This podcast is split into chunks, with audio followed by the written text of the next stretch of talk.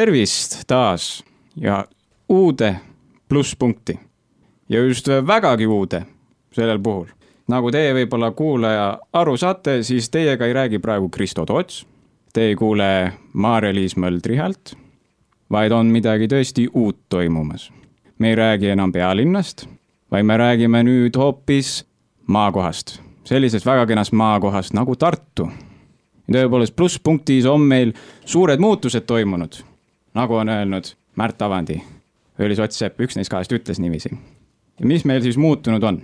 uus linn, uus stuudio, uued inimesed ja loodetavasti ka väga head uued ideed, mida me siis saame rääkida, arutada ja mismoodi neid rääkida ja arutada.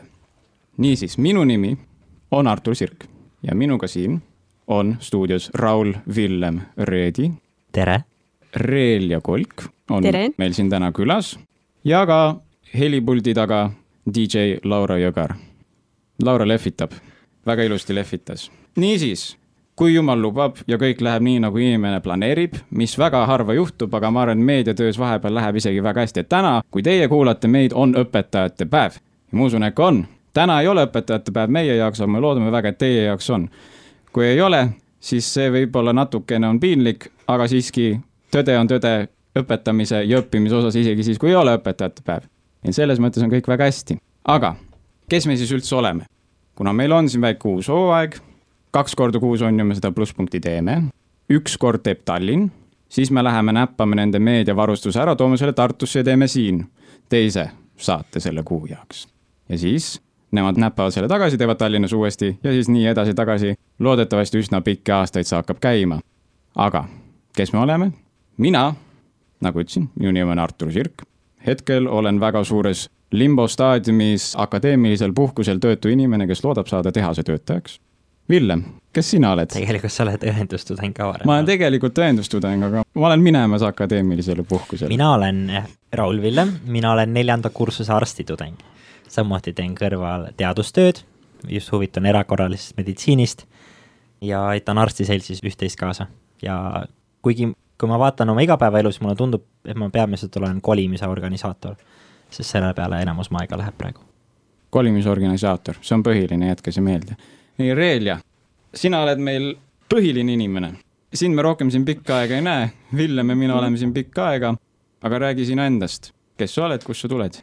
mina olen siis Reelja, pärit olen Saaremaalt, ühest väiksest külakesest ja olen käinud seal koolis, väikses maakoolis, sealt sain juba põhihariduse, siis sealt edasi läksin õppima juba siis maalt linna, Kuressaarde täiskasvanute gümnaasiumisse ja siis sealt Teevis edasi Tartusse ja sain siis sisse Tartu Ülikooli ja õppisin eesti ja soome-ugri keeleteadust.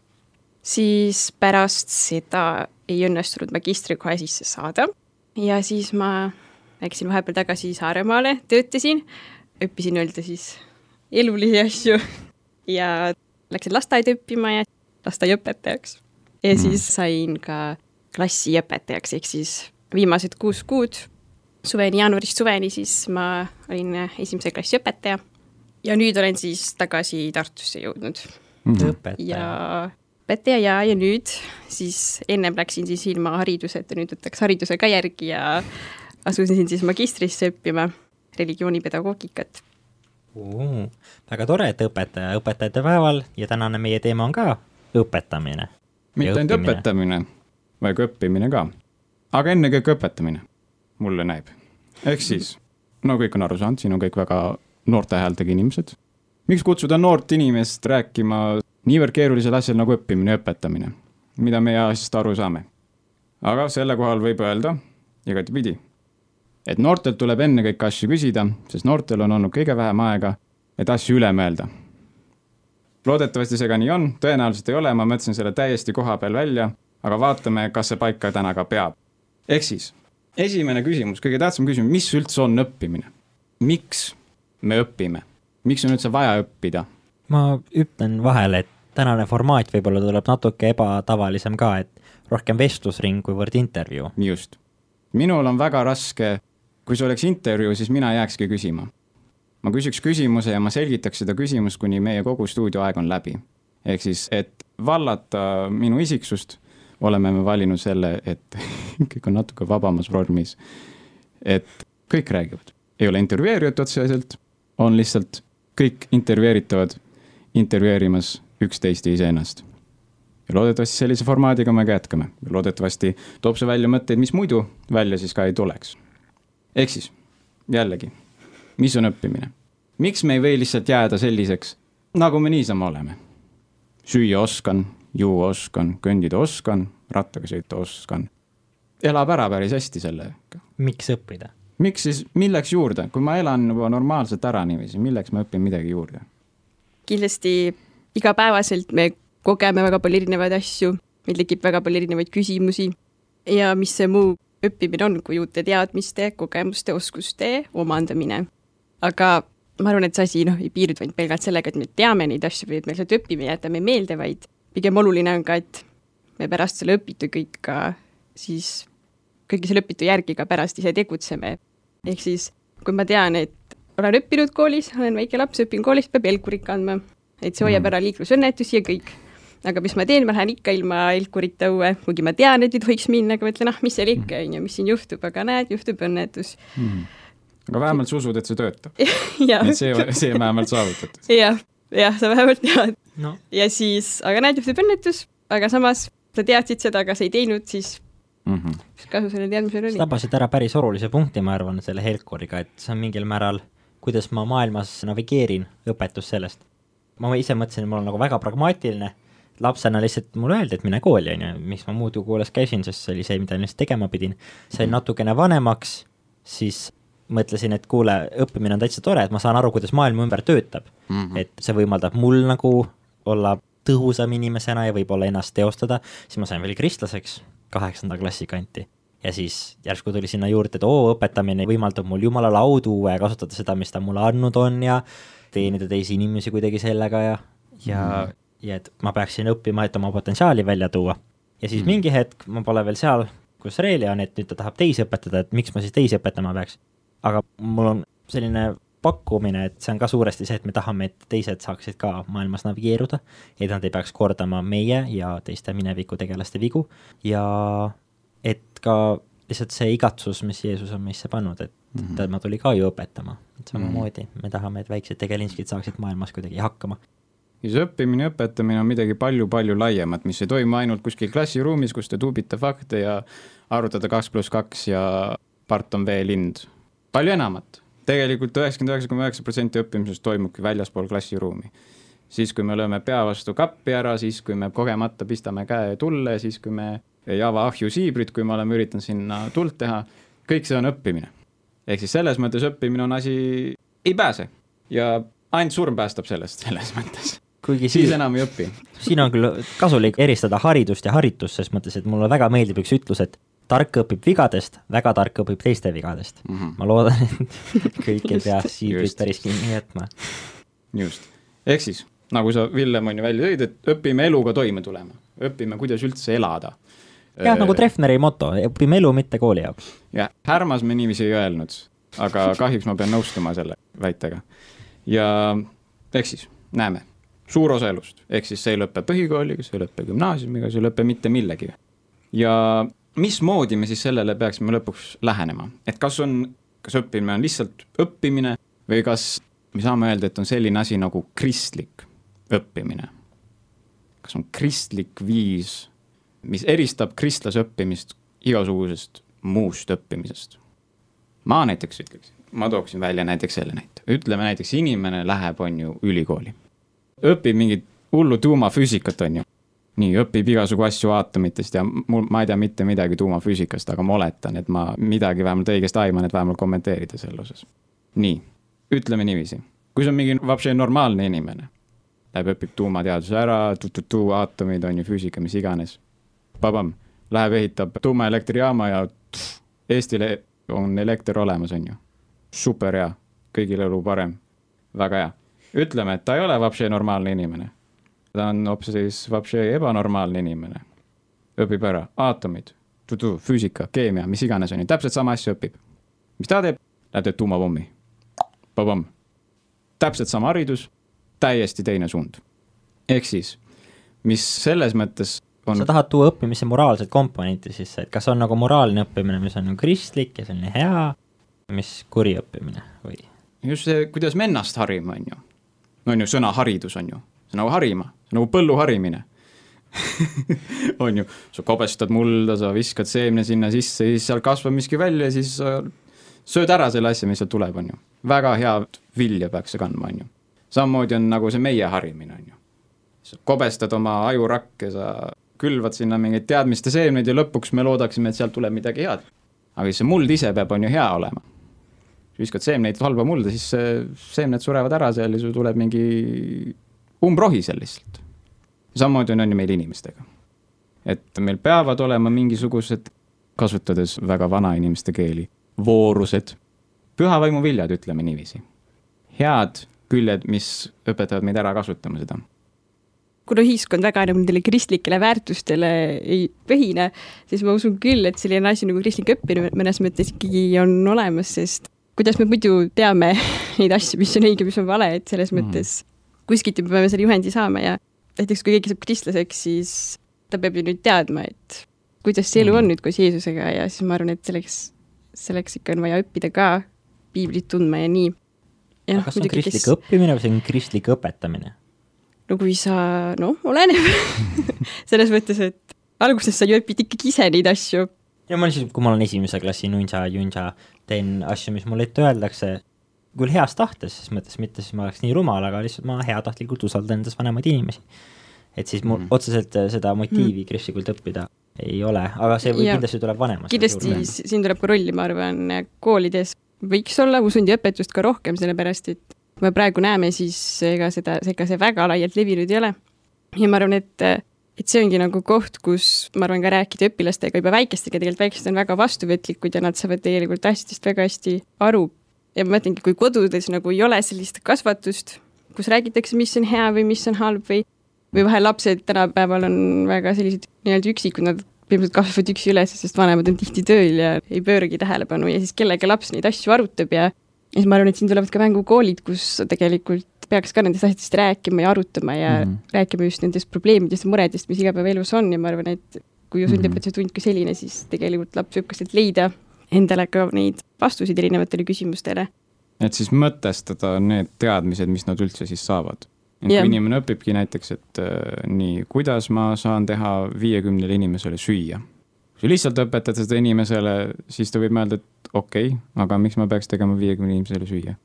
Aga samas, kui juurutada mingeid teatud väärtusi, siis mõni inimene võib mõelda, et ahaa, ma olen nüüd õppinud, kuidas teha viiekümne inimesele süüa, nüüd ma saan, ma ei tea, supiköögi teha pakkuda süüa tervele massile inimestele, kellel seda on vaja. et vastasel juhul tekib meeletu selline nagu no mis siis efekt on ju mm, -hmm. õppides. sa saad infot juurde ja siis on nagu okei okay,, aga mis ma teen selle kõigega. aga samas, kui meil on, kui me mõtlemegi, et okei okay,, jumal soovib, on ju, et me armastaks oma liigime, soovib, et me teeks head oma naabrile, soovib, et suures plaanis lõpuks see maailm võiks olla parem meie pärast mingil viisil, vähemalt mingilgi viisil, siis see annab nendele teadmistele meeletult tähendust juurde on ju. et see ei ole enam lihtsalt mingid faktid, mingid asjad, mis meie peas ringi käivad, maailm tekib teatud nagu inspiratsioon. mingi, mingi loovus hakkab nagu käima, et okei okay,, kuule, me saaks tegelikult seda kõike väga hästi ära kasutada. Mulle tundub, Artur, sa räägid seostest, et ja. nagu faktid mulle tundub, et on üsna neutraalsed, et noh, see aatomfüüsika ja tuumafüüsika, see pole oma olemuselt tal pole ühtegi moraalset komponenti mm., aga millel on moraalset komponenti, on inimesel, kes seda tõlgendab ja rakendab. ja mulle mhm. tundus Reili jutus ka, et otseselt nagu kristlikkust, nagu et sa rõhutasid ka hästi palju, et meil on vajadus kristlikult õpeta, et ma hiljuti just kuulsin või noh, lugesin, ma ei hakka sellel teemal kindlasti rohkem kommenteerima, aga lugesin artiklit teemal, et miks teatud poliitikad Eestis pole nagu õnneks läinud, mida riik väga igatsenud on, et läheksid täide ja ja seal ta tõi väga palju välja, et on selline hästi palju survestamist ja tema ja noh, ei jõua seda kõike läbi lahata, aga tema pakkumine oli, et lõpuks jõutakse välja kohta, kus tekib jälle pluralistlikkus või et me hakkame rääkima erinevatest mõttekoolkondadest. et ei ole seda, et ainult riik arvab, et nii on hea ja et dissidentluseks me liiga palju ruumi ei anna, et see on nagu halb, noh, äärmusel mm. juhul vandenõuteoreetikud isegi, on ju mm. kuigi noh, neid kindlasti on olemas, et ärge saage must siin valesti aru, mida ma tahan öelda lihtsalt on see, et see mõtte paljusus võib-olla tuleb mm. tagasi, et praegune noor sugu ja üldse generatsioon nagu natuke vastandub sellisele ühesele mm -hmm. mõtteviisile, et teaduse mhm. vastu tekib umbusaldus teataval määral mm -hmm. ja noh, teadus selles mõttes, kunagi oli teaduslik konsensus kõigi poolt mm, -hmm. et maakera on lapik, aga me teame, et maakera ei ole lapik, nii et teadus selles mm -hmm. mõttes on eksiv asi ja see on täiesti loomulik ja hea, mina mm -hmm. kui suur teadusesõber tean, et mm -hmm. see oma olemuselt selle üks suur boonused ongi see, et sa ei karda eksida. Aga ma mõtlen, et võib-olla seda jah, et me oleme liiga ühte raami surunud enda noored ja üldse kõik inimesed ja, ja võib-olla seda usund ja õpetust anda noores eas saati, et nad tõesti mõtleksid, annaks väga palju juurde ja kui me üldse mm. mõtleme, esimene Eesti Vabariik on ju üks kõige mm. kristlikumaid riike maailma ajaloos per capita rääkides loomulikult mm, -hmm. puhasnumbrites jääme alla aga mm, -hmm. ja mhm. siis tuli nõukaaeg ja represseeriti mm -hmm. hästi palju ateismi ja seda nii-öelda punasest raamatukesest õppimist ja mm, -hmm. ja siis kristlus suriti hästi alla ja nüüd kõik vanemad on hästi teinud nii-öelda, ei õpeta oma lastele moraale, thanks mm -hmm. nõukogude aeg, ja samuti kõik vanemad on vastu kristlusele, nii et kui noor huvitub usust, siis kohe pühitakse see vaiba alla, nii ka thanks nõukogude aeg mm. -hmm. sinu igatsus on nagu just see kristlik õpetamine, mis meil on riigist täiesti ära kadunud, see mulle tundub nagu noored, noh mm -hmm või noh, ma, ma ei no, kujuta, ma ei, ma ei kujuta ette, kuidas saab moraalselt õppida mm., nagu kui ma õpin mm. tuumafüüsikat, siis sellel ei ole moraalset komponenti, komponent on see mu õpetajal, kes tekitab neid seoseid, mis, miks ma tõin välja, et mul on tunne, et sa räägid mm -hmm. seosetest, sest et mm, -hmm. et kui ma seostan inimeste toitmise ja heategevuse, siis mm -hmm. ma hakkan tegema seda mm -hmm. heategevust ja kui ma mm -hmm. seostan selle kuidagi nii, et ma tean, kuidas inimene töötab ja nüüd ma tahan tema üle manipuleerida mm -hmm. ja ma tean meditsiini, nii et nüüd ma ei tea, mis mm -hmm. need nüüd ma hakkan inimestele, inimesi tüssama, et andma mm. neile mingeid ravimeid, mida neil vaja, mis on hästi kallid, lihtsalt et mm. minu mhm. erakliinik saaks palju raha yeah,, midagi sellist, et see on nagu teine seos mm.. ehk siis on moraalne õpetamine mm., aga ma ei ole kindel, et on moraalne õppimine, kuigi mm -hmm. on loomulikult, ma räägin nüüd praegu põhikooli east, et täiskasvanu loomulikult saab moraalselt õppida ja see, mis sa välja tõid selle Nõukogude selle aja jooksul, selles mõttes me näeme seda tänapäeval ka mingil määral. Mm. no need vanad on ju koolihooned, mis meil on, põhimõtteliselt näevad välja nagu tehased. On ju, need, mis meil alles selles, no põhimõtteliselt no võrdled. konveieri meetod, mass. võrdled on ju koolimaja ja võrdled keskmist, ütleme, klaasi või mingit vorstitehast, siis väljaspoolt näevad täpselt samasugused välja mm,. või kas või need vanad koolid on kõik samasugused just, täpselt. Õnneks seda muudetakse, need uued koolimajad näevad nagu veidike inimlikumad välja, väga imelikud, aga siiski imelikud, aga no, siia toob küll klausuli juurde, need on nõukaajal ehitatud hooned, et just. hoone, mis on vanemad kui nõukaaeg, nad on ikka üsna ainulaadsed. just, just.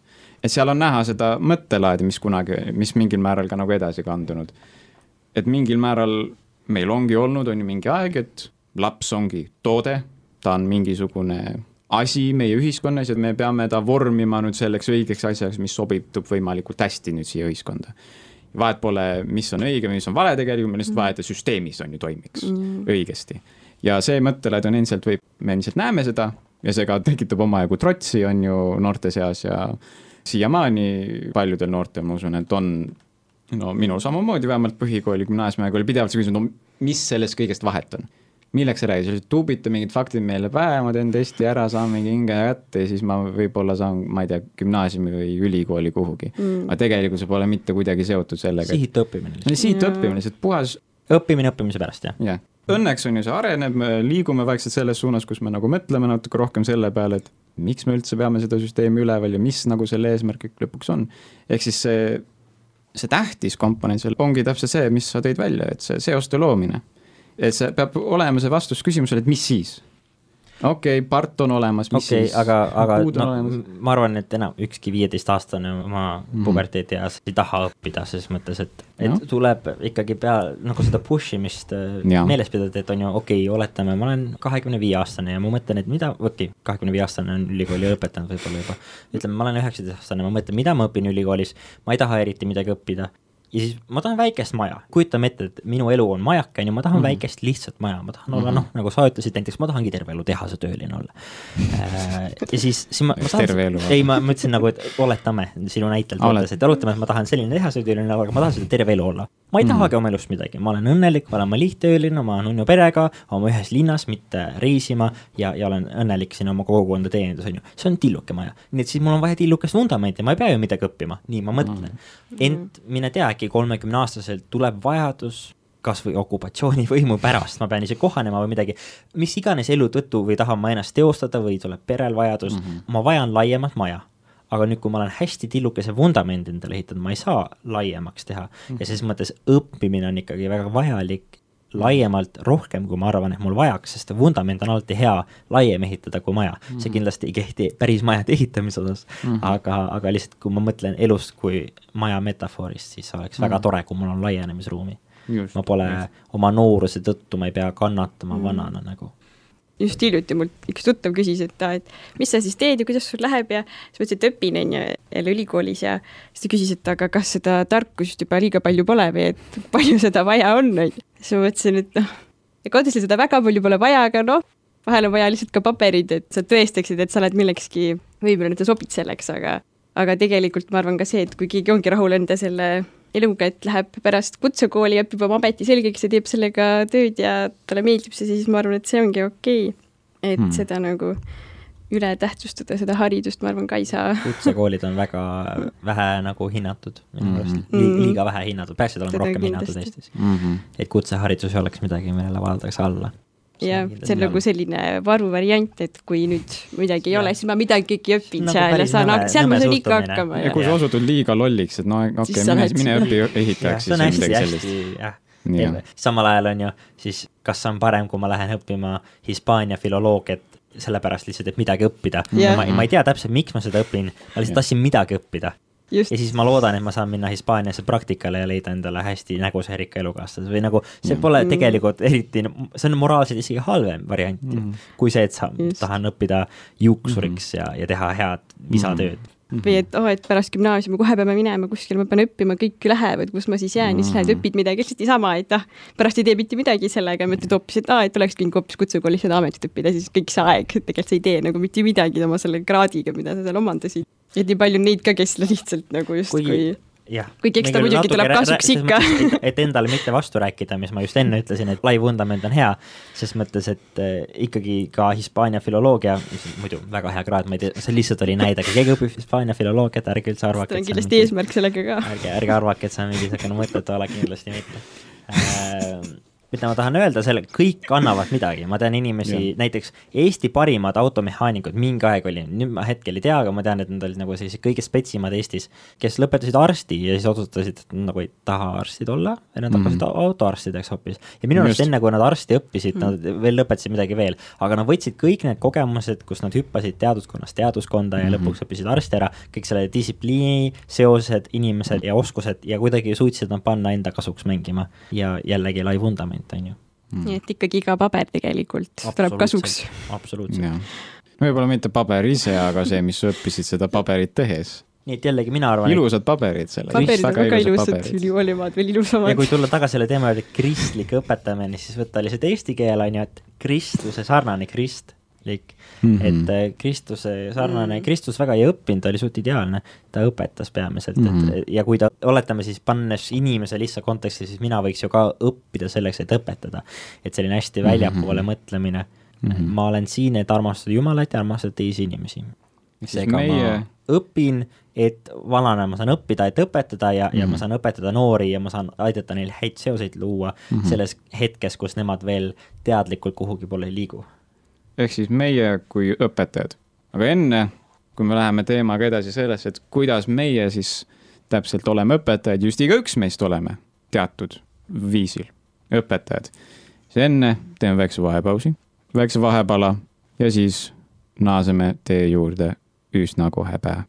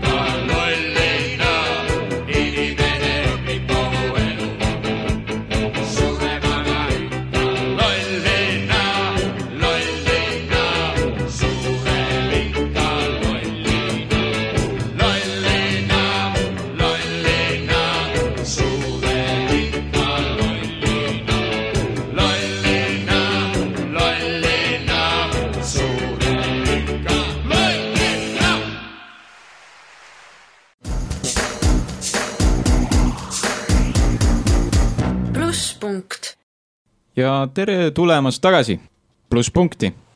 minu nimi on Artur Sirk, teie poolsaatejuht ja siin on minu teine poolsaatejuht Raul-Villem Reedi ja meil on täna stuudios külas Reelja Kolk ja me räägime õpetamisest ja õppimisest. ja kui me just lõpetasime, rääkisime pikemalt sellest, mis on õppimine, mis on õpetamine, mis üldse kõike sellest meil mõelda on, mis õigesti õppida ja nii edasi ja nüüd me siin vahepeal pausil olles jäime natuke rääkima sellest, et mingil viisil me kõik oleme, on ju, õpetajad. Ja minu jaoks üks hiilgav traditsioon meie koolides on õpetajate päev. mispärast? sa paned meid, väga kaasaegseid inimesi, kes me nii usume, et me saame kuidagi ära joosta selle eest, et me õpetame üldse kedagi. saame kogu elu elada niiviisi, et mitte kedagi ei pea õpetama, keegi ei pea enam meid õpetama. lihtsalt elame oma elu rahulikult edasi, teeme mis iganes. aga õpetajate päev näitab meile kätte, esiteks, et me kõik peame õpetama. teiseks, et me kõik suudame õpetada. Ma arvan, et teine on väga tähtis õppetund, mida me tihtipeale ignoreerime. sest paljud inimesed mõtlevad, no ma pole õpetaja tüüpi, ma ei saa lastega hakkama, mis iganes, on ju, see ettekääne võib olla. aga tegelikult on see väga hea asi, mida sisse harjutada meie sisse. see mõttelaad, et isegi kui meil on koolides, lasteaedades, ülikoolides on mingisugused erilised välja haritud viieaastase haridusega õpetajad, lõpuks me kõik peame õpetama mingil määral või vähemal määral. see on huvitav, et sa seda räägid, sest et see võib-olla erineb ka paikkonnati, et sa sõnastad seda justkui see oleks midagi hästi haruldast, midagi, mis kellelegi ei meeldi, õpetamine noorte seas mm. -hmm aga meil praegu, mul hetkel käib üld- ja abdominaalkirurgia tsükkel, meil reaalselt õpetamine käib tegelikult ausalt öeldes kõikides teistes tsüklides ka õpilane teeb ettekande, õpetab kogu oma rühmale asja, õpetaja lihtsalt kommenteerib vahele, siis me läheme vaatame patsiente ja siis teeb mm -hmm. õpetaja kokkuvõtte ja siis on seminar läbi kaks tundi. Et õpilane räägibki sellest tund aega umbes, on ju. ja õpilased tegelikult hästi palju õpetavad teisi ja, ja kui ma mõtlen koolide peale, siis lastevanemate koosolek ja kogu aeg on see jutt, et õpetajad räägivad ja noh, Laura ja Reil ja parandage mind, kui ma eksin et vanemad võiksid ka osaleda lapse õpetamises mm, -hmm. et, et koolis õpetavad õpetajad nagu nii-öelda haridust, aga väärtusi et löömine pole hea asi ja kõiki selliseid asju, need võiksid tulla kodust. ehk siis tegelikult see kodune õpetamine ja ka kaastudengite ja kaasõpilaste õpetamine on väga oluline komponent, mulle tundub haridussüsteemis ka. kuigi mulle tundub, et praktilises võtmes ega vanemad vist põhikoolis väga ei ole aktiivsed oma laste kasvatuses, sõltub küll vanematest, aga oskad Reeli sa mulle täpsemat ülevaadet anda? no ise ma olin seal esimeses klassis, õpetasin ja no sealt sa näed ikka, mul oli kakskümmend viis õpilast ja sealt sa näed ikka väga palju erinevaid nii-öelda kasvatusviise siis võib-olla või siis kasvatamatust, et sellest on ikka kohe aru saada, kas lapsega tegeletakse kodus või ei. ja tegelikult neid juhtumeid on ikka väga palju erinevaid olnud ja nagu sa oled seal õpetajana ja sa pead vaatama, et sa jõuaksid esiteks täita kõik oma õppekavad ja asjad ja noh, räägitakse küll, et oo, te loovate nii, aga aga lõppkokkuvõttes ma pean ikkagi ju esitama mingisugused teatud dokumendid ja asjad, mida me oleme läbinud ja hindama neid aga siis teine pool on ju sellele kõik see, et need reeglid koolis, need neid sisse nagu juurutada siis nii-öelda lastele, sest nendel väikestel, nad on ju alles tulnud tegelikult on ju lasteaiast, on ju mm. -hmm. kus oleks, noh, peaksid juba välja kujunema ka mingisugused teatud ikkagi oskused ja rutiinid. ja koolis nagu nii elementaarsed asjad, nii paljudel puudulik, näiteks pane oma jalanõud ilusti sinna koti sisse, riputa varna, on ju, temal on need kuskil tooli all, on ju. ma panen kogu aeg tooli alla. sealgi kui palju lapsed üksteiselt üle võtavad halbu või häid kombeid? lapsed mm? -hmm.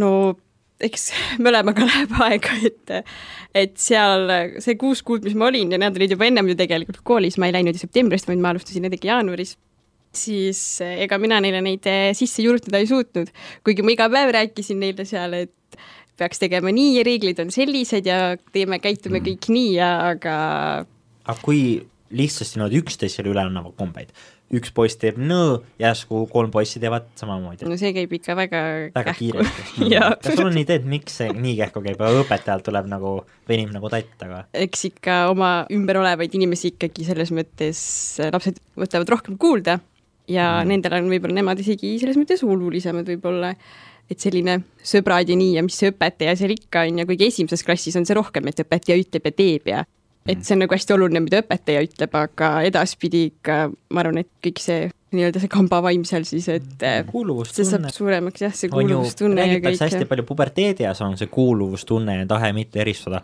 aga siis tõesti juba lasteaias esimeses klassis niimoodi algklassides on ka see no eks ta mingil määral on ju sees selles mõttes, et oleneb ka nüüd see, kas kodus on tehtud nagu tööd lastega ka ja, ja kas räägitakse erinevatel teemadel, kuidas käituda, kuidas on sobilik mm -hmm. ja okei okay,, mul on selline poolpoolnimeline küsimus teile, selline naljakas lugu, anonüümseks jääb see loo osalised, aga oli nelja-aastane laps ja, ja ta vanemad, noh, laps kõndis ringi, rääkis no üsna adekvaatselt, oskas numbreid lugeda ja selline tark laps, mõistlik inimene, sai aru, kui sa temaga räägid.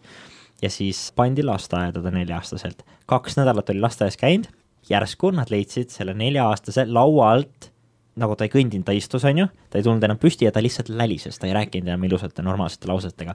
mille peale siis üks vanematest oli, appi, mu laps taand areneb, võeti ruttu lasteaiast välja ja siis umbes nii, et kahe nädalaga laps jälle normaliseerus, hakkas jälle kõndima, hakkas jälle rääkima äh,. ja mille peale, mille peale siis loomulikult see perekond ei pannud oma last lasteaeda ja õpetasid teda kodus.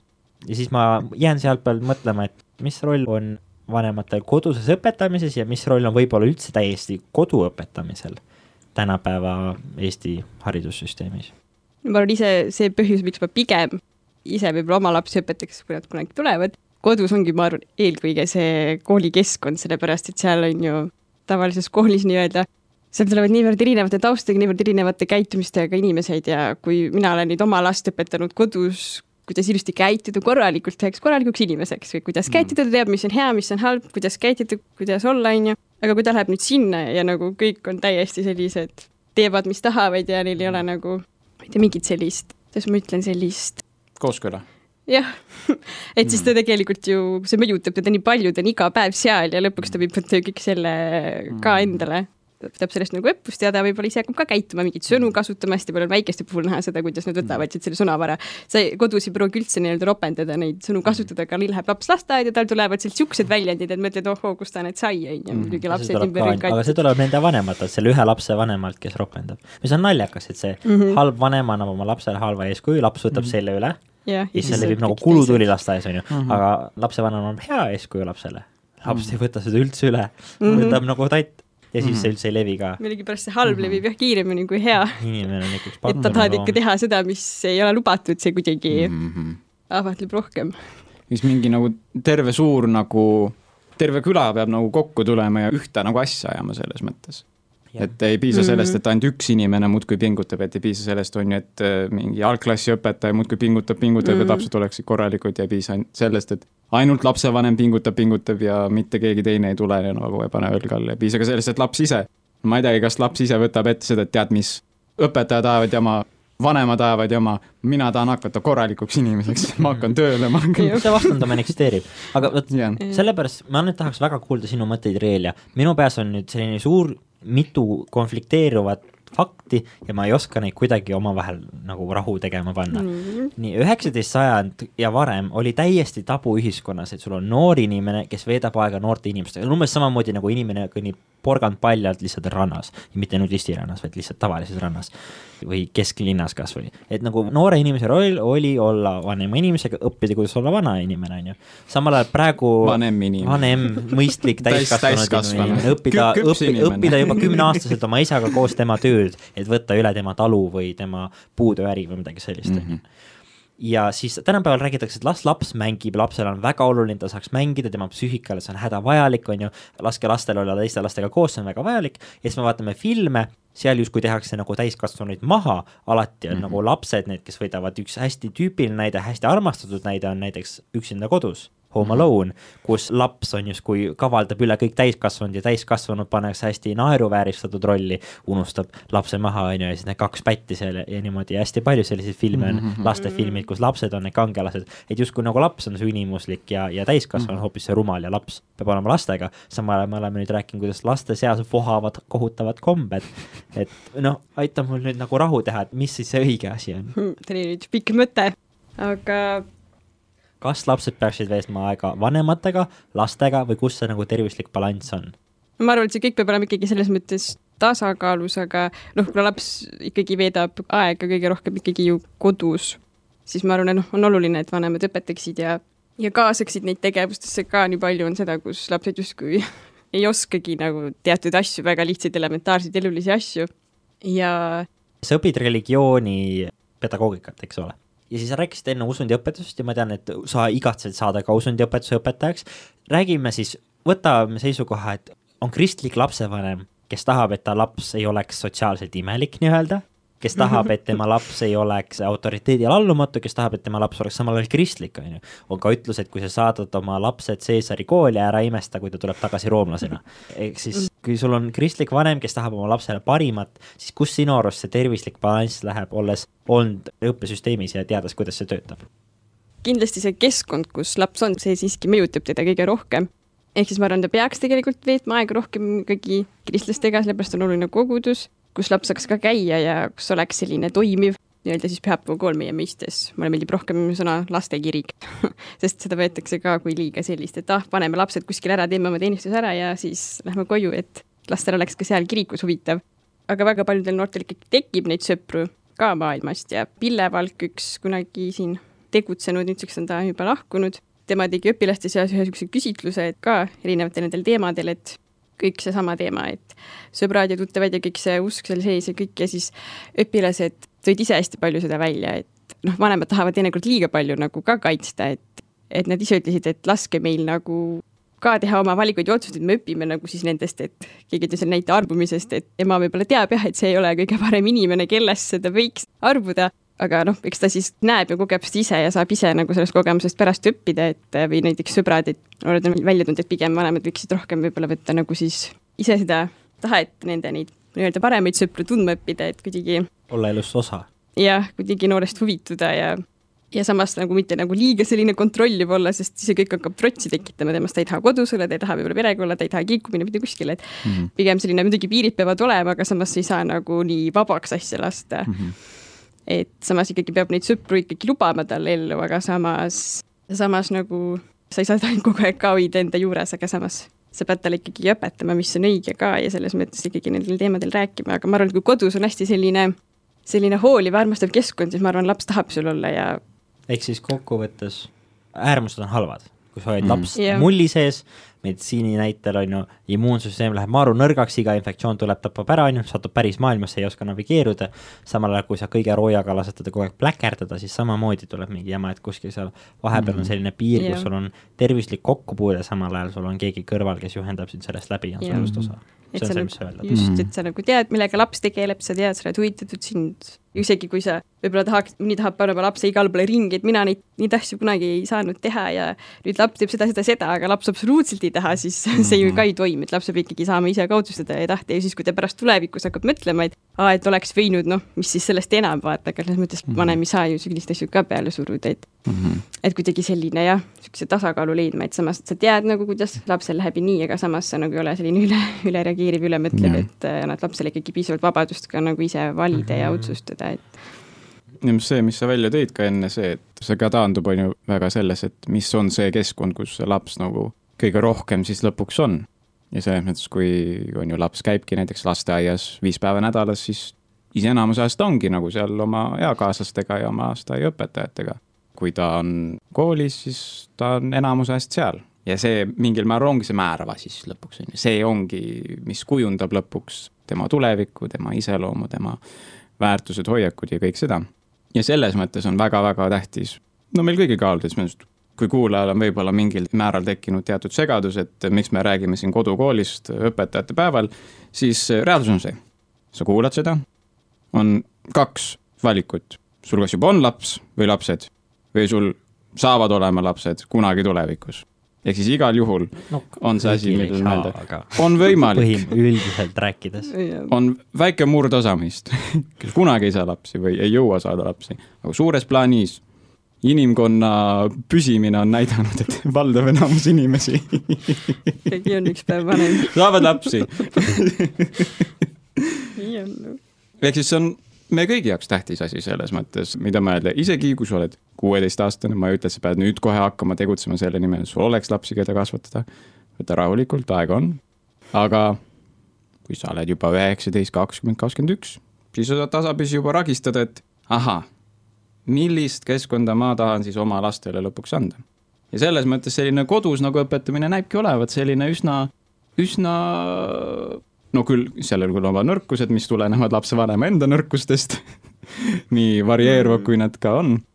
aga see näib olevat siis see, et lapsel on see, on ju tugev, on ju vundament, tal on see kindlad inimesed nagu, kellega ta seostub, kes annavad talle mingi tulevikusuuna ette, kes annavad talle need väärtused ja kõik edasi. ja viisil siis, et ta saab usaldada, on ju seda, kust üldse tuleb mm, lähed kooli, okei okay,, tere, ma olen teie seitsmes inglise keele õpetaja. ma hakkan teile rääkima nüüd sellest, mida te peaksite arvama maailmast. siis on nagu, ma ei tea kes sa oled, kust sa tuled, ma ei tea mm.. kui sul on kodus sinu isa või ema, kes on sind kuusteist aastat sulle asju rääkinud ja enamjaolt paneb täppi ka. siis mõtled, okei okay,, teda võib kuulata küll, on ju. ja siis ongi nagu ja. palju terviklikum see lõpuks. jah, iroonia on küll see, et seda rääkides meil on siin hilisajaloos eksperiment, mis tähendab, kui massiivselt lapsed jäävad kodukooli.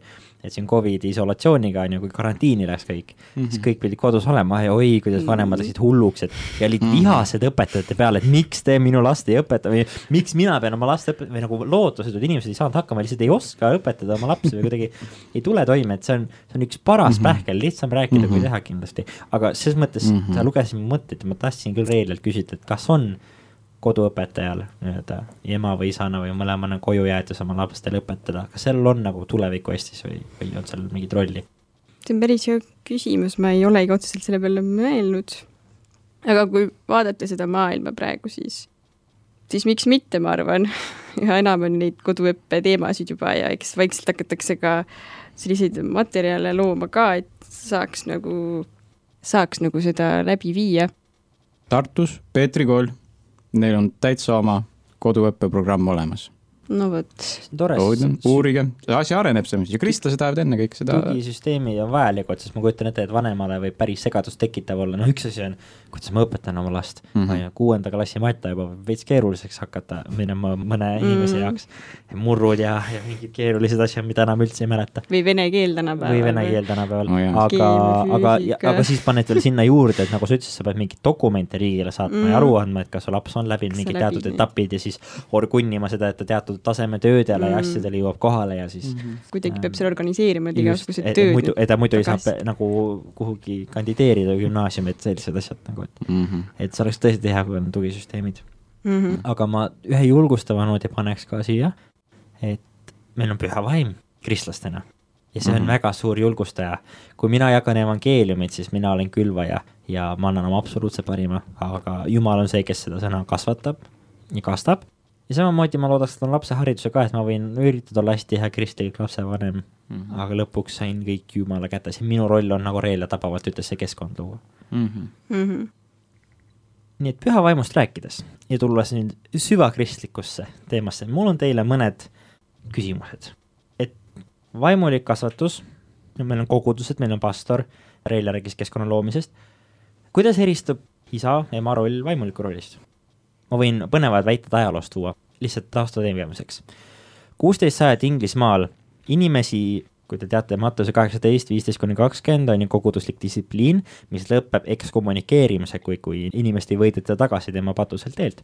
ekskommunikeerimise üks põhjuseid oli see, et isa ei õpeta oma last mm. vaimulikel asjadel et see oli nii fundamentaalne, et isa on vaimulik roll, pole mitte mingisugune pastor õpetamas lapsi ennekõike, vaid ta on lapsevanem ja kui isana sa ja emana tõenäoliselt ka sa seda mm -hmm. rolli ei võtnud, siis see oli sügav patt. Su roll on absoluutselt selles mõttes seal.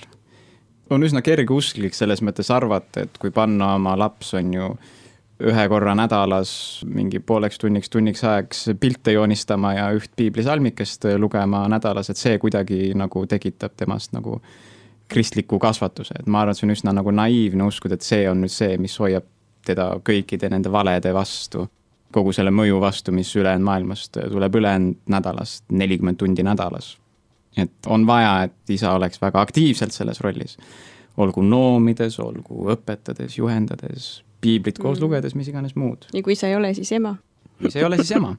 isa on tööl. aga kahjuks selliseid perekondi mm,, kellel ei olegi üldse isa, nagu ma ise mis siis juhtub, mis siis teha? Matt Chandleril on üks selline tore ütlus, kus ideaal on puudu, seal arm vohkab. või noh, on ütle uuesti aeglasemalt. kus ideaal on puudulik, seal armu on küllaldaselt mm, -hmm. ütleme, on selline tõlge ehk siis, kus on see jumala arm selle, okei okay,, mul on endal mõte, mis ma siin ikka keerutan. selles mõttes kogudus, kogudusena me võiksime ju aidata mulle väga meeldib, ma kindlasti ei ole lasteristi, aga presbüterlastel, kes on lasteristed, neil on üks vahva mõte. et kui sa ristid lapse, siis ta on nüüd ristitud koguduse liikmeks ja nüüd kogu kogudusel on kollektiivne vastutus seda last kasvatada usus ülesse. Ja nad on nii-öelda koos vanematega aru andmas ja, ja võiksid aidata vanemaid mm.. ja ma arvan, me kogudusena võiksime ka. ja, sest ikkagi seda isa, justkui sellist isa autoriteeti kui pole, no siis ta peab ju kusagilt selles mõttes ikkagi saama selle poole ka, sest ema võib ju tubli olla, aga on mingid asjad mm, -hmm. mida saavad ju ainult tegelikult mehed õpetada ka, et selles mõttes, eriti kui Mhm. mõtled, et on pere, kus on näiteks poisid kasvamas, siis neil on ju tead Mhm. erinevad teemad võib-olla, mida mm. -hmm. ema ei suudagi neile niivõrd hästi seletada mm -hmm. või et selles mõttes oleks selline tugi küll koguduse poolt väga vajalik mm. -hmm. ilmselt tema võib saada isegi ise ka hakkama kindlasti. väga hästi, aga siis ongi see, et siit mul meenub ühe lese tsitaat, kes jäi viie lapse emaks üksinda. teda on tsiteeritud, et ta palus Jumalat, et Jumal, aita mul olla nendele lastele nii emaks kui ka isaks. ja see ongi, sa pead mõlemat rolli mm., Mm. peabki siis on ju võtma enda peale ja täitma seda. ja mis ongi, mis meil on vaja koguduses, ongi see, et sul ongi, pabam, nii, sina, palun tule esmaspäeval aita süüa teha, pabam, sina tule aita last hoida nüüd teisipäeval ja pabam, kas palun aitaksid neile ajalugu õpetada, pabam, nii edasi, nii edasi, nii edasi, nii edasi, et eh, ja see nõuab ennekõike iseendalt initsiatiivi, et me mm. koguduses omavahel suhtleksime ja laseksime selles mõttes pühal vaimul liita meid omavahel, lähestada meid omavahel ja et, et püha vaim saaks selles mõttes tööd teha meie enda sees, üksteise läbi ja ka meie laste sees, selles mõttes. Ja nii palju siis õpetamisest ja õppimisest. Ma olen olnud siis Artur Sirk, minuga on olnud doktor Raul Villem Reedi ja Reelja Kolk. Ja me oleme rääkinud siis õpetamisest ja õppimisest. helipuldi taga on olnud Laura Jõgar. on väga hea meel, et te olete kuulanud, väga hea meel, et olete meiega kaasa mõelnud, võib-olla isegi tahtmatult kaasa arutanud. Ja me väga loodame, et juba kuu aja pärast, no imelik on öelda, me teid ei kuule, aga vestelda omavahel teie ees, teie kuuldes uuesti. kummaline asi see raadio. igastahes. armu ja rahu. armu ja rahu, Armu ja rahu. aitäh, Reelja, et tulid ja mis koolis sa õpetad praegu? hetkel ma ei õpetagi. ei õpetagi, aga loodad õpetada kus? no äkki ikka Saaremaale tagasi. Saaremaal, ehk siis Saaremaa inimesed. teate, Reelja Kolk on seal, minge rääkige, leidke enda lapsele hea sinu õpetaja. viimased sõnad, mis sa saad praegu öelda kõikidele Pereraadio kuulajatele. ütle, mis sa tahad. issanda kartus on tarkuse algus. aamen.